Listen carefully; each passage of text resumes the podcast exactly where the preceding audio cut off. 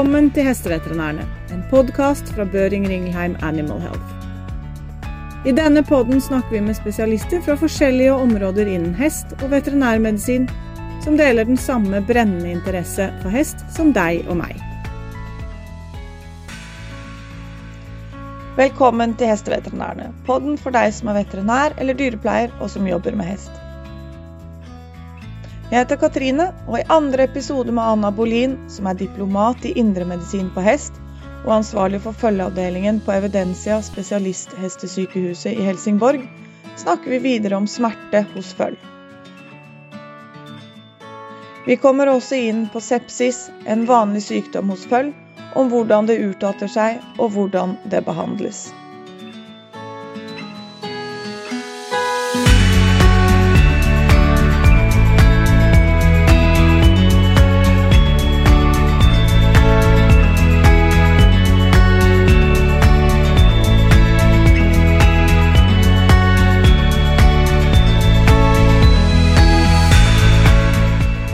To the podcast, Anna.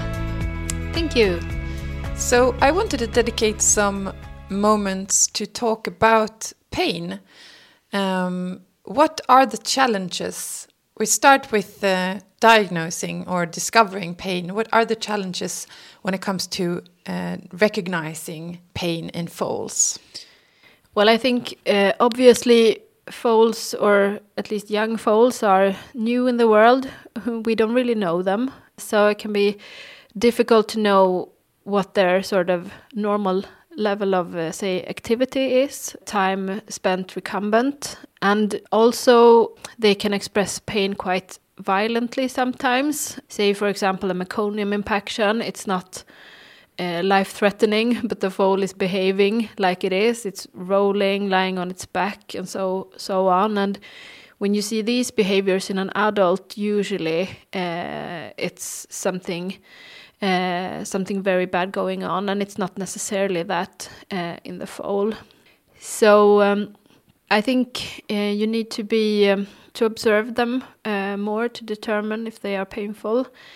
Uh, a foal that is very quiet, that is laying down a lot, that is not curious, and yeah uh, examining its surroundings, a foal that is not going up when you enter the box, for example. And things like heart rate and respiratory rates is uh, less reli reliable in the foal because they are very, very easily stressed and they have a greater variation, normal variation there. Do we have pain scales for foals? Yes, there is actually. Um, recently, study was uh, published on a composite pain scale for foals. I think it was a pilot study, so quite a small one, but it looked promising. Um, and it looked at pretty much the same that we use in in the adults, but it sort of combined it. So they looked at facial expression, they looked at specific behavior behaviors such as yawning, moaning, um, and then also specific behaviors related to the problematic area. So, lameness, obviously, a degree of colic pain, and then also some of these clinical examination parameters heart rate, respiratory rate, uh, how painful they were on palpation of, of the specific area. So, um, uh, that's something you can use probably. Um, it's a bit more objective with these pain scoring systems, but I think it also takes more time. So if if you don't have that time, uh, then I think at least in our setting where we hand over patients a lot. I mean, there is someone working the day shift and someone else working the night shift. I think it's very uh, important that you try to communicate the specific pain signs that you see in this particular foal and then try to determine if yeah if giving uh, analgesia improves that. And sometimes i think that's also a way to go that you you suspect that this is painful and you don't really see much in this foal. Maybe it's just slightly depressed and then you try to give it an opioid say and if it if it behaves uh, if the behavior uh, improves then probably it was very painful. So also sort of trial treatment. And I'm guessing also this uh, communicating about the pain signs that also goes for when referring a case. Yes, definitely. Also, it is in the foal as as it is in the adult that when they are admitted to a hospital, they are a bit more stressed. They have more adrenaline. Uh, so what you have seen at home is probably more um, reliable. Uh, and we usually see the same thing with time, uh, but we're probably not going to see it uh, directly on, on arrival. What about um, treatment then? Which challenges do you have here when it comes to treating pain in foals?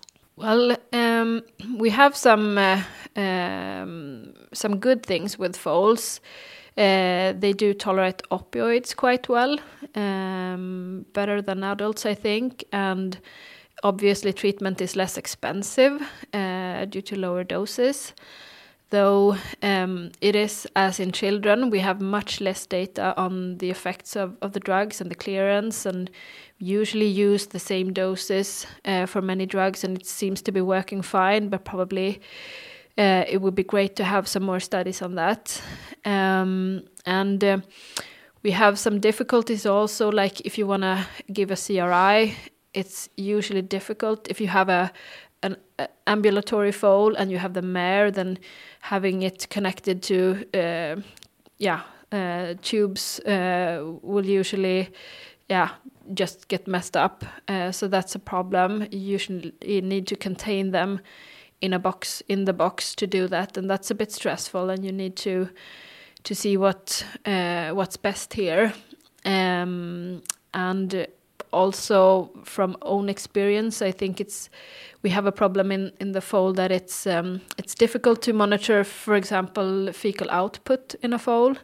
And if you give a lot of opioids, you can still um, have um, uh, decreased gut motility, and you can have uh, constipations, and um, um, it can be difficult to see uh, to recognize that in the fall You can usually see if they have diarrhea, but the opposite is dif it's difficult.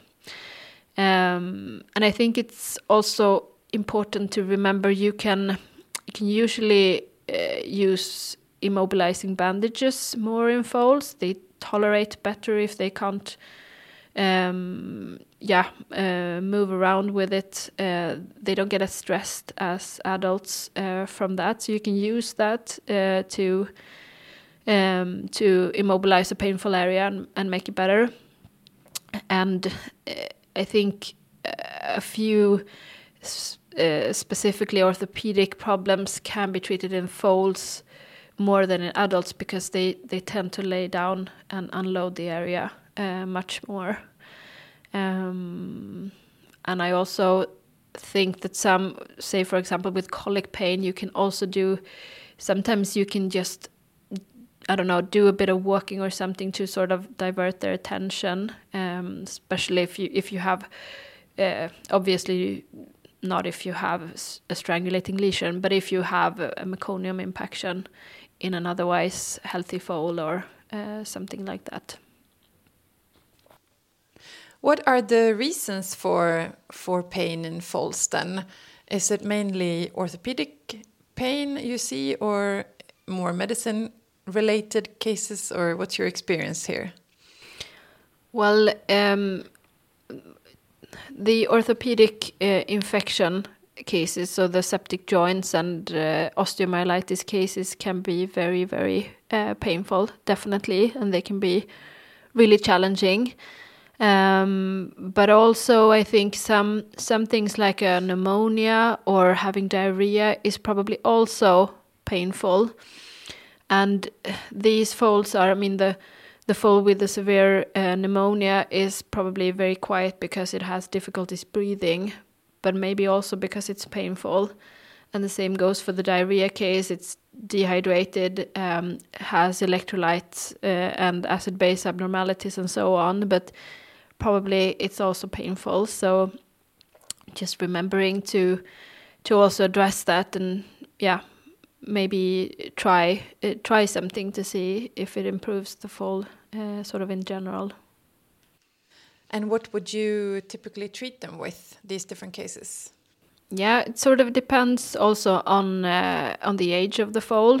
Uh, we are um, avoiding non-steroidals uh, if we can in the really young ones um, because of the potential effects on, on blood flow. So um, and generally we use a lot of meloxicam uh, in these young foals. It's been shown to be very safe, um, though they clear it more rapidly than the adults. So we usually use it twice daily. But we also use uh, flunixin, for example, but we are a bit more cautious with it. Um, and as in probably my feeling in adults is that flunixin is more potent compared to meloxicam, but many uh, are are good on on meloxicam. Uh, I wouldn't use phenylbutazone in foals. Um, um, we never do that. Um, and with regards to colic, we use um, probably the same as in the adult. Metamizole is uh, can readily be used, and then uh, the opioids is also uh, something that we can use in the foal. So butorphanol is is probably available to most vets. Um, that can be used. Also, we use uh, morphine and methadone in in more um, uh, severe pain uh, cases. Um, we've also used a bit of lidocaine. Uh, usually, you use that as a CRI, um, and uh, mainly we use it during the anesthesia. Um, uh, but but it can it can be used if used uh, carefully.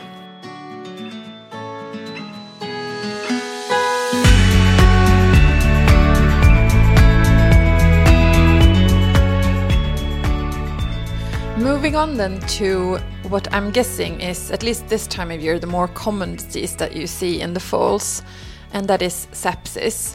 Um, but what is actually sepsis in foals? Can you start by explaining that?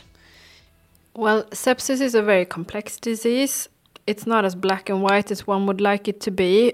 Classically, you, you think about sepsis being bacteria in the blood but actually it's more of an exaggerated and uncontrolled uh, systemic inflammatory response to I mean, often bacteria, but you can have that also after a severe hemorrhage, a major trauma, or a viral infection, for example. So things that trigger inflammation. And usually, in the in the well-functioning immune system, you will have a balance between this pro-inflammatory response and you have a, a contracting anti-inflammatory uh, response.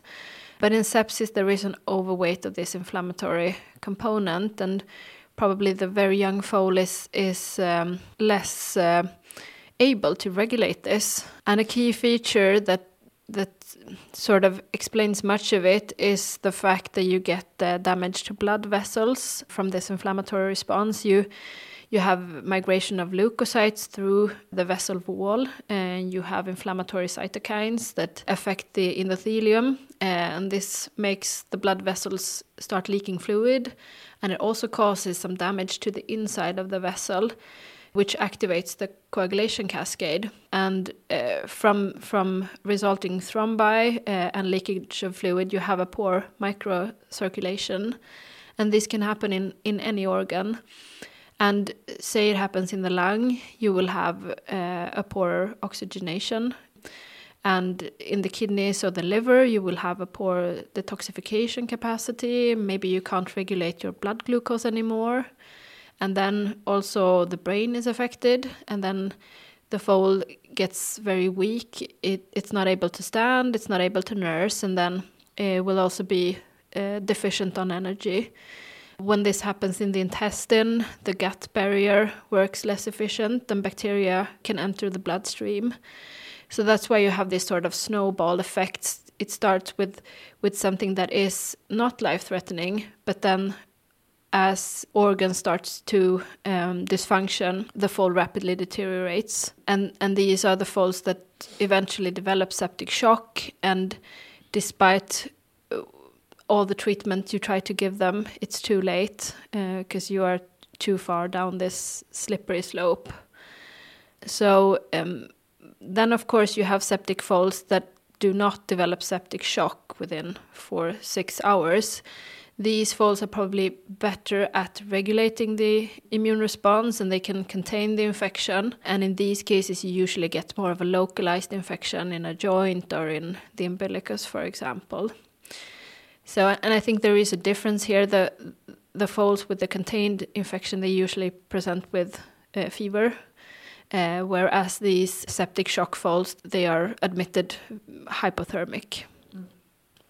But when it comes to uh, recognizing this or which symptoms they are presented with, I'm guessing it depends on which stage they are in in this sort of process. But the earliest symptoms, what are those? I think the earliest sign is usually that the foal is a bit more quiet than usual. Uh, it's uh, lying down a bit more and usually has a decreased appetite. Uh, and the best way to determine that is to look at the mare's udder. So just from nowhere she's dripping milk or something uh, she's really full and that's something you should you should really react to because the normal foal sort of empties the udder regularly and then of course fever and and or hypothermia are early early signs and um, i think when you if you are examining a foal that is uh, a bit down on the slippery slope the the septic shock type will present with a severely affected mentation. It's probably can be difficult to arouse.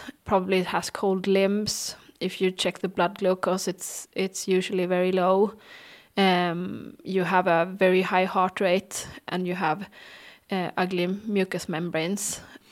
And in the other group of foals, the ones that are presenting with more localized signs, you may usually see a swollen jo joint lameness and many owners think it's been stepped on by the mare because mm. they saw it just a few hours ago and they couldn't see anything and now it's very swollen but it's um, it can develop very rapidly of course umbilical swelling or drainage diarrhea signs of um, respiratory compromise i'm guessing then that we're in a big hurry now that if you are as an ambulatory vet called out to one of these falls that seems quiet, it hasn't nursed.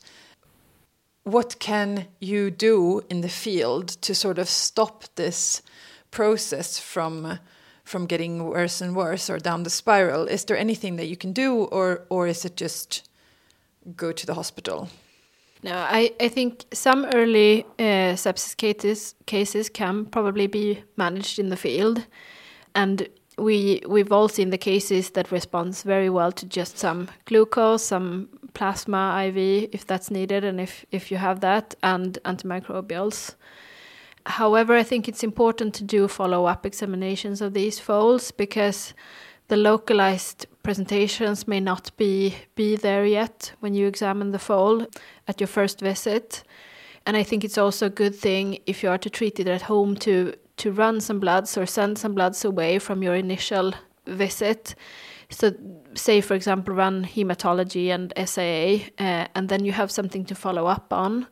Also, if you are um, thinking about, well, now I put this foal on antimicrobials, how long should I treat it? Um, then, then I think that's a good way to go. Uh, and then you you also need to go back to repeat your blood samples. Um, so so yeah, definitely, and there's also risk of being admitted to to a hospital, and maybe yeah for for many reasons. Uh, some foals are better treated at home, and I I think as long as you can be there more than once, I think that's possible. How does one then determine whether to to refer or a case or not?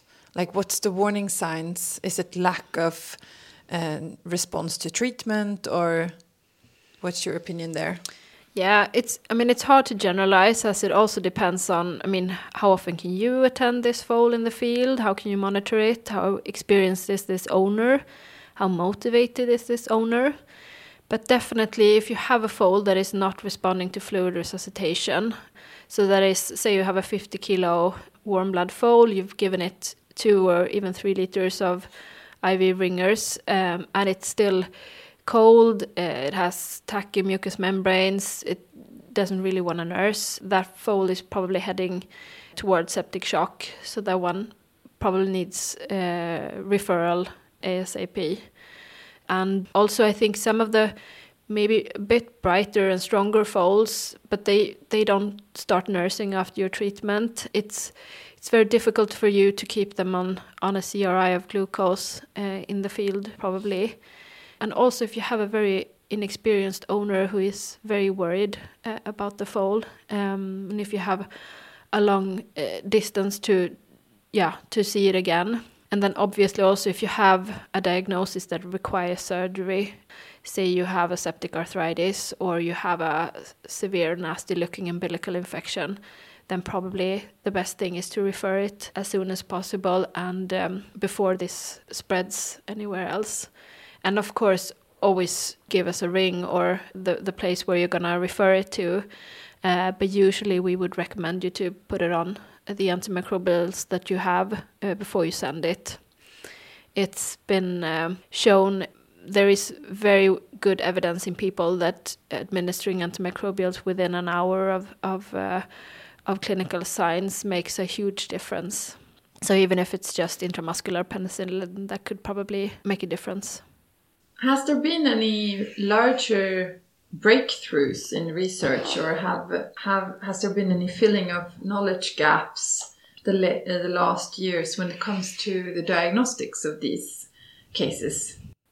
Yeah, it's always been a challenge to diagnose sepsis. Uh, it's it's not very difficult when they are in septic shock, but it's difficult in these early cases.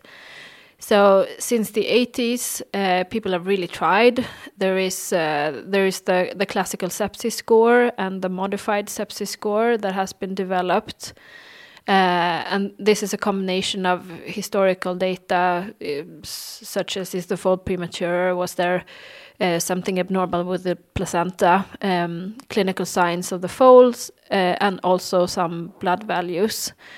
Uh, and these uh, perform quite well, but they're not very useful in the field where you can't get arterial blood gases, for example, or fibrinogen. So um, I think it's also important to know that uh, an experienced clinician can perform as good as as these scoring systems, and there has been some some newer uh, attempts to find scoring systems, but there is also the problem that in the group where you develop your scoring uh, system, um, how can you be sure of which ones actually had sepsis? We don't really have a black and white answer to that. And also it seems like these scoring systems they perform a bit different in different populations. So in the best of worlds you would have your own sepsis score in your own population. But we have some some markers that are uh, good to use. Uh, so i think available to to many vets here in Scandinavia is SAA. Uh, a, a, lot of uh, clinics can run it on their own machine so they can have an answer within 10 minutes uh, or you can send it away. It's been investigated in, in several studies and the problem here is that it, the cutoff to to sort of say the foal has sepsis or not is uh, uh quite varied. There was one study that showed an SAA of 100 uh, had a sensitivity and specificity of around 70%, so that's fairly okay. These were young foals. I think they were less than 36 hours.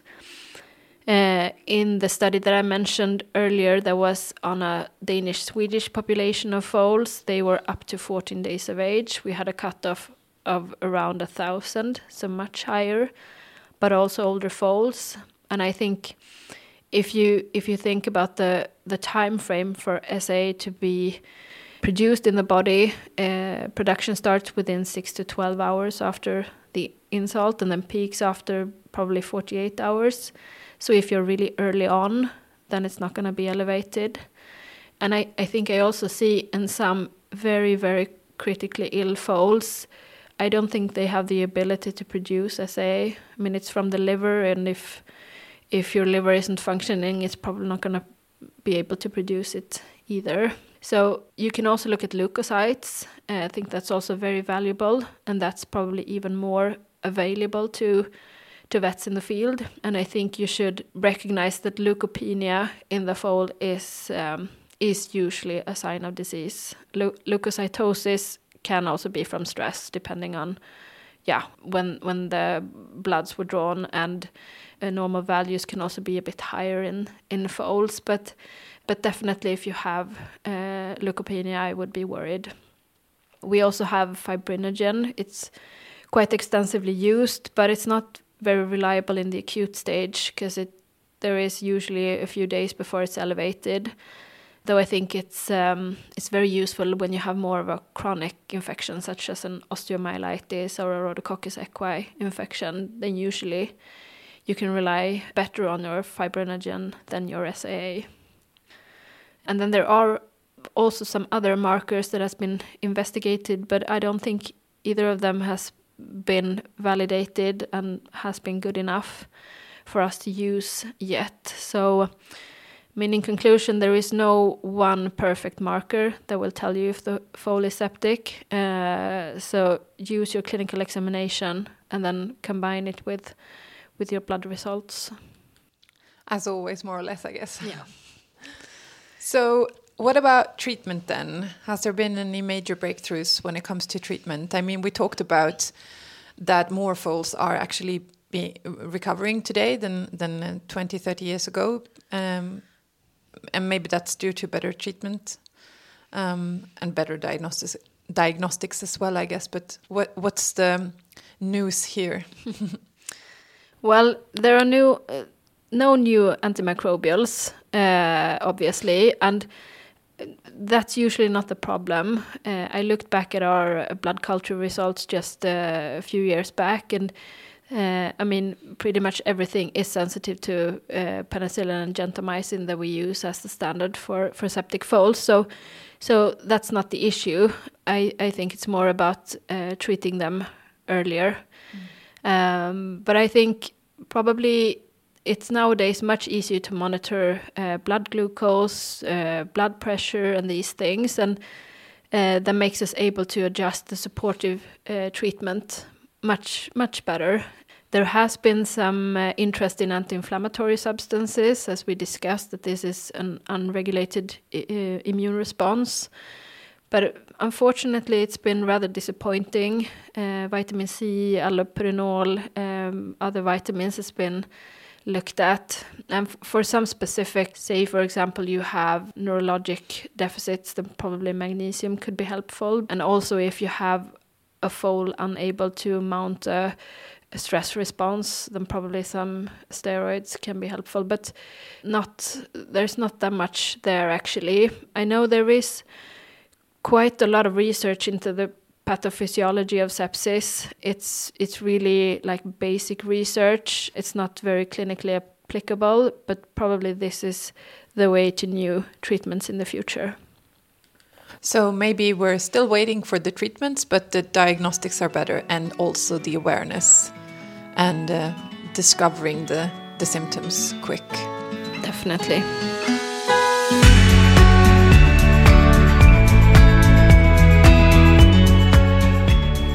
So, what would you say is the most important factor to to have success with the treatment of these foals?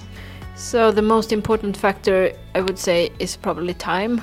So, probably it's education of the owners so that they can recognize that this foal is sick. And also, uh, I think it's important to remember that all of the nursing care that these foals need is also very, very important. Just in a foal with a pneumonia or a, a premature foal with difficulties with oxygenation, just keeping it in a good sternal position makes a huge difference and also keeping the foal dry to prevent umbilical problems, for example, and also being able to recognize small differences in uh, in the foal. Maybe it looks a bit more bloated. Maybe it's it has some problems with passing its meconium also. Um, um, so so I think that's very very important. And we also try to to have the mare with the foal in the box, even if. Um, if it may be in a little cage in the box, but to let her be there to be present also, I, I think that makes makes a huge difference for the foal to know that there is a, a there that wants it to to stay alive. So, last but not least, the economy. I mean, this is a very cost intensive care and something that every owner, I guess, would have to to consider if they if they have a budget for, but also I'm guessing for the referral vet to be able to inform uh, their clients before sending in a referral case. So, so how much does it cost to to save one of these foals? Uh, if we think about a very sick septic foal, then I would expect this foal to, uh, yeah, that we need to give it plasma, for example, and that's uh, nowadays, yeah, I don't know, somewhere around 4,000 Swedish kroner per liter. And if you are unlucky, it needs three or four liters. Uh, so there you have probably 15,000. Uh, and then with with initial examination, you maybe have to do an ultrasound, uh, do some radiographs, uh, blood cultures, um, sample joints, and so on. That's probably also another fifteen thousand. Um, and then it really depends. Does this foal need a person to sit um, with it every hour? Do we need to feed it or yeah, um, keep its IV fluids running, and it needs a, a lot of personnel as well, then probably you are looking at somewhere around 80 to 100,000. But we've also seen the foals that recovers from initial treatment, treated for a few days with antimicrobials and monitored uh, with with some standard blood samples that go home for around maybe 40,000 and then of course the sky is the limit if you want to continue with with things that needs multiple surgeries and so on but usually they fit within the normal fold insurance that most owners have here in Sweden. Mm.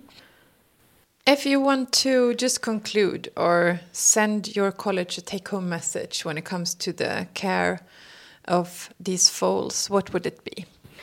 My take home message would be that you should rely on your clinical examination. If you think this foal is sick, then probably it is. And just think about the, the fact that uh, treating foals early improves uh, prognosis very much. And if you're not sure at your first visit, then I think you should revisit the patient. Short and concise, but we like that. Thank you so much, Anna, for joining us today on this podcast on foals. It's been very interesting and good luck with the fall season starting. Oh, thank you. Tusen takk for at du lytter til Hesteveterinærene. Hvis du liker det du hører, glem ikke å trykke følger eller lignende i podkastappen din, slik at du ikke går glipp av en eneste episode. Fortell også gjerne om hva du syns ved å gi en tilbakemelding. Vi tar også gjerne imot tips om kommende gjester og emner. Kontaktinformasjonen vår finner du i beskrivelsen av podden. Vi høres snart!